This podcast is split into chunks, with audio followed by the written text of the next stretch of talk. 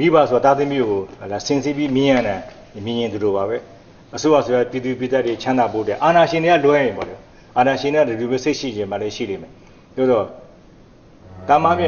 နိုင်ငံတစ်ခုဦးဆောင်နေတဲ့အစိုးရတော့အဖွဲ့အစည်းတွေဆိုတော့ကိုတန်းပြည်ပြည်သားတွေကိုတိုင်းပြည်ချမ်းသာကြွယ်ဝဖို့တဲ့လိုလားတာဖြစ်ပါတယ် မင်းအောင်လှိုင်ခေါင်းဆောင်နေတဲ့စေအုပ်စုရဲ့စကားစာကောင်စီဟာ2022ခုနှစ်အတွက်ပထမဆုံးအစည်းအဝေးကိုဇန်နဝါရီလ20ရက်မှာပြုလုပ်ခဲ့ပါတယ်။ຫນွေဦးတော်လိုင်းရေးပေါ်ပေါက်ရခြင်းရဲ့အဓိကသမိုင်းတရခံတွေဖြစ်တဲ့စေအုပ်စုခေါင်းဆောင်တွေအယက်သားအမိခံအခွင့်အရေးမျှော်နိုင်ငံရေးသမားတွေစုံစုံညီညီတက်ရောက်ခဲ့ကြပါတယ်။ ဒီအစည်းအဝေးမှာ အာနာသိန်းစစ်အုပ်စုခေါင်းဆောင် မင်းအောင်လှိုင်ကိုယ်တိုင် တက်ရောက်ခဲ့ပြီး ဩဝါဒချွေမိကွန်းတက်ပြောခဲ့ပါတယ်။မိကွန်းထဲမှာ စစ်အုပ်စုခေါင်းဆောင်နဲ့ပလင်းတူဘူးဆိုဖြစ်တဲ့ ကမ္ဘောဒီးယားဝန်ကြီးချုပ် ဟွန်ဆန်ခီးစင်ကိစ္စအပြင် နိုင်ငံတွင်းဖြစ်ပျက်နေတဲ့ နိုင်ငံရေးအကြအတဲကိစ္စတွေ ငြိမ်းချမ်းရေးကိစ္စတွေကို ထည့်သွင်းပြောဆိုခဲ့ပါတယ်။ငြိမ်းချမ်းရေးနဲ့ ပတ်သက်လို့ ပြောဆိုရမှာတော့ ငြိမ်းချမ်းရေးဖြစ်စဉ်မှာ ဒေတာရင်းဖွံ့ဖြိုးမှု မမျှတနေခြင်းကြောင့်လို့ အခုလို ထည့်သွင်းပြောဆိုခဲ့ပါတယ်။ ဒီလိုထည့်ပြောတဲ့အခါမှာပစ္စည်းမဲ့ဒေါသဆိုတဲ့စကားရက်ကိုထည့်သွင်းပြောဆိုခဲ့တာပါ။စုကြုံအနေမြင့်ကွာခြားမှုများတဲ့အတွက်ပဋိပက္ခတွေကျွန်တော်တို့ဖြစ်နေကြတယ်။ပစ္စည်းမဲ့ဒေါသတွေကွန်မြူနစ်စကားနိုင်ငံရေးစကားပြောရရင်ပစ္စည်းမဲ့ဒေါသတွေဖြစ်တယ်။ငါတို့မှမရှိဘူးမင်းတို့မှရှိတယ်။ငါတို့မှမလုပ်ရဘူးမင်းတို့မှလုပ်ရတယ်။ငါတို့မှမစားရဘူးမင်းတို့မှစားရတယ်။ငါတို့မှမဝေ့ရဘူးမင်းတို့မှဝေ့ရတယ်။ငါတို့မှပညာမသင်ရဘူးမင်းတို့မှသင်ရတယ်။ ဒါကွာခြားချက်တွေဖြစ်လာတဲ့အတွက်ကြောင့်ဖြစ်တယ်လို့မင်းအောင်လှိုင်ကသူ့မိကုံးမှာထည့်သွင်းပြောကြားခဲ့ပါတယ်။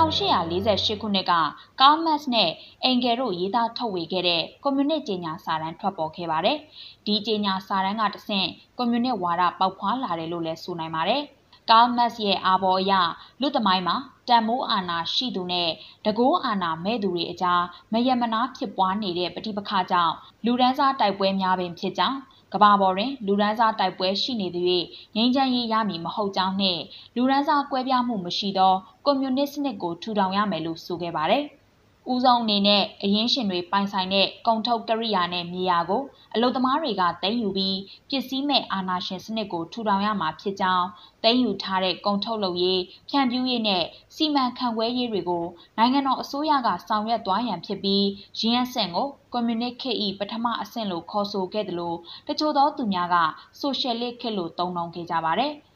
ဒီဆောင်းပါးမှာအယူဝါဒရေးရာတွေထက်ပစ္စည်းမဲ့ဆိုတဲ့အသုံးအနှုန်းဘယ်ကစခဲ့တယ်လဲဆိုတာကိုသာရှင်းပြလိုခြင်းတသက်တာဖြစ်ပါတယ်။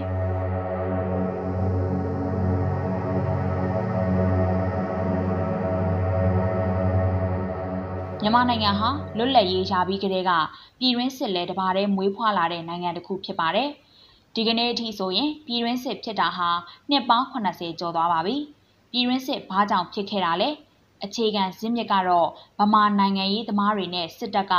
တိုင်းရင်းသားအင်အားစုတွေကို နိုင်ငံရေးအရာစစ်ရေးအရာဖိနှိပ်ခဲ့တာကြောင့်ဖြစ်ပါတယ်။ဗိုလ်ချုပ်အောင်ဆန်းမကွယ်လွန်ပြီးရေးထိုးခဲ့တဲ့ပင်လုံစီမင်းပင်လုံအခြေခံမူတွေကိုတစ်ဖက်သက်ချိုးဖောက်ခဲ့တာကြောင့်ဖြစ်ပါတယ်။ငြိမ်းချမ်းရေးစကားပြောခြင်းရင်ငါပြောတဲ့ဘောင်ထဲကနေပဲလှုပ်ဆိုတဲ့စစ်အုပ်စုရဲ့တစ်ဖက်သက်ဆန်တဲ့ဖိအားတွေကြောင့်ပဲဖြစ်ပါတယ်။ငြိမ်းချမ်းရေးလူချင်းလို့ရှိရင်ငြိမ်းချမ်းတာပေါ့။စောစောပြောတဲ့အတိပ္ပခါစားခြင်းလို့ရှိရင်ငြိမ်းချမ်းရေး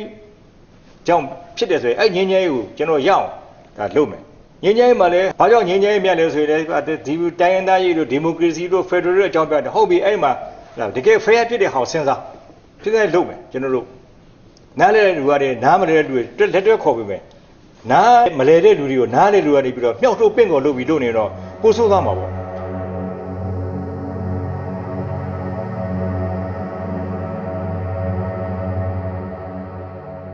ငြိမ်းချမ်းရေးဆိုတာဖွံ့ဖြိုးရေးနဲ့ဆိုင်သလားဆိုရင်ဆိုင်တယ်လို့ဆိုနိုင်ပါတယ်။ဒါပေမဲ့ဖွံ့ဖြိုးနေရင်ငြိမ်းချမ်းသလားလို့မေးရင်ဟင်းအင်းလို့ပြန်ဖြေရမှာဖြစ်ပါတယ်။နိုင်ငံဟာလွတ်လပ်ရေးရပြီးနောက်ပိုင်းဖြစ်ပွားခဲ့တဲ့ပြည်တွင်းစစ်ပြည်တွင်းစစ်ကိုအခြေခံပြီးနိုင်ငံအာဏာကိုအတင်းအဓမ္မယူထားတဲ့စစ်တပ်ကြောင့်နှစ်ပေါင်း80ကျော်တဲ့အထိမပြေငြိမ်းနိုင်ခဲ့တာဖြစ်ပါတယ်။ နိုင်ငံဖွံ့ဖြိုးရေး ဒေသဖွံ့ဖြိုးရေးနဲ့ ပတ်သက်လို့ ပြည်မနဲ့တိုင်းရင်းသားဒေသကို ခွဲခြားဆက်ဆံခဲ့တဲ့ စစ်အုပ်စုကြောင့်သာ ဖွံ့ဖြိုးမှု မညီမျှခဲ့ခြင်းသာ ဖြစ်ပါတယ်။စစ်အုပ်စုဟာ ပင်လုံမူကိုစုပ်ကိုင်ပြီး သူတို့ကို တော်လှန်နေတဲ့ တိုင်းသား လက်နက်ကိုင် EAO တွေရှိရာ ဒေသတွေမှာ ရန်ကုန် မန္တလေး စတဲ့ ဒေသတွေလောက်ကို ဖွံ့ဖြိုးရေးကိစ္စပိုင်းမှာ အာမထုတ်ခဲ့ပါဘူး။ တစ်ဖက်မှာလည်းတိုင်းရင်းသားဒေသတွေမှာရှိတဲ့တဘာဝတယံဇာတဘောင်းဆောင်ကိုလဝက်ကြီးအုပ်ယူထားပြီးမိကာမတ်တဖွံ့ဖြိုးမှုလောက်ကိုသာစတိလောက်လုပ်ပေးခဲ့ပါတယ်။နိုင်ငံအစွမ်းအင်လိုအပ်ချက်ကိုကြီးကြီးမားမားဖြည့်ပေးနေတဲ့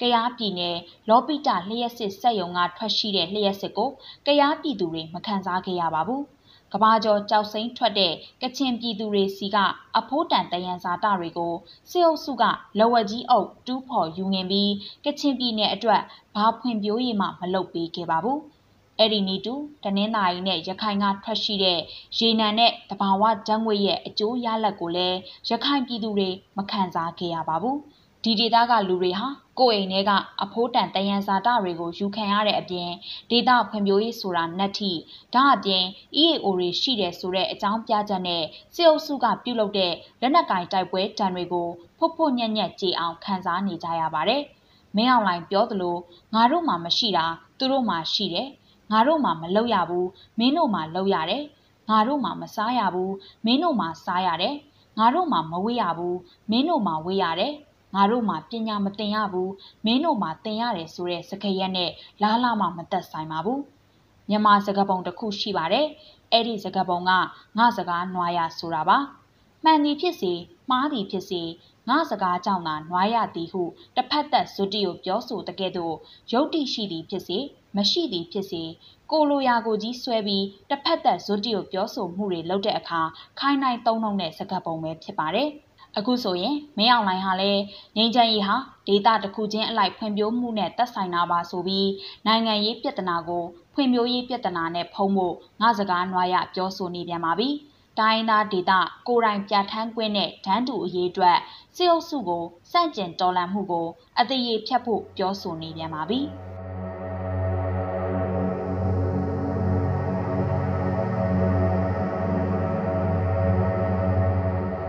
မြန်မာနိုင်ငံမှာဗိုလ်နေဝင်းလက်ထက်ကစလို့မင်းအောင်လှိုင်လက်ထက်အထိနိုင်ငံကိုလက်နက်နဲ့ဖိနှိပ်ချုပ်ချယ်ခဲ့တာဟာဒီကနေ့အထိပဲဖြစ်ပါတယ်။2015ကနေ2020ခုနှစ်အထိအမျိုးသားဒီမိုကရေစီအဖွဲ့ချုပ် NLD ကအစိုးရဖြစ်ခဲ့ပေမဲ့2008ခြေဦးကြောင့်တကယ်တမ်းတော့ညီကာမတ်တအယက်သားအစိုးရသာဖြစ်ပါတယ်။ဒီကာလတစ်လျှောက်လုံးမှာစေအုပ်စုဟာတိုင်းပြည်ရဲ့ကောင်းပေညွန့်ပေဆိုတဲ့အရာမှန်သမျှကိုနှီးပေါင်းစုံနဲ့လက်ဝဲကြီးအုပ်ထားခဲ့တာပါပဲ။ ဖွံ့ဖြိုးရေးအထိမပြောနဲ့တည်ငြိမ်တဲ့အဆင့်လိုတောင်ပြောလို့မရနိုင်တဲ့နိုင်ငံစီးပွားရေးကဏ္ဍမှာစစ်အုပ်စုနဲ့ပတ်သက်ရာပတ်သက်ကြောင်းတွေကသာလက်ဝက်ကြီးအုပ်ထားခဲ့ပါတယ်။တိုင်းပြည်ကိုနိုင်ငံတကာအဆင့်မမီတဲ့လက်တဲ့စံပညာရေးစနစ်အောက်မှာထားပြီးစစ်အုပ်စုထိပ်ပိုင်းခေါင်းဆောင်သားသမီးတွေဟာနိုင်ငံတကာအကြောင်းတွေမှာပညာသင်ကြားခွင့်ရခဲ့ကြတာပါ။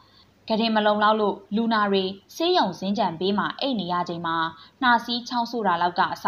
နိုင်ငံတကာဆေးရုံကြီးတွေမှာသွားကူနေကြတာစစ်အုပ်စုနဲ့အပေါင်းပါတွေပဲဖြစ်ပါတယ်။နိုင်ငံတွေကအများစုသောပြည်သူတွေဟာပစ္စည်းမဲ့လို့ဆိုရလာအောင်နေဆဒူဝရှင်တန်ဖို့ထက်ပိုပြီးတော့မျှော်လင့်ခွင့်မရခဲ့ကြပါဘူး။တနိုင်ငံလုံးဟာဥစ္စာဒနပညာအာရောဂျန်စတဲ့ကဏ္ဍတိုင်းမှာပစ္စည်းမဲ့တွေကြီးပါပဲ။ တိုင်းရင်းသားဒေသတွေက တိုင်းရင်းသားပြည်သူတွေနဲ့ လက်နက်ကင်တွေတွေမဟုတ်ပါဘူး အားလုံးဟာ ပစ္စည်းမဲ့တွေကြီးပါပဲ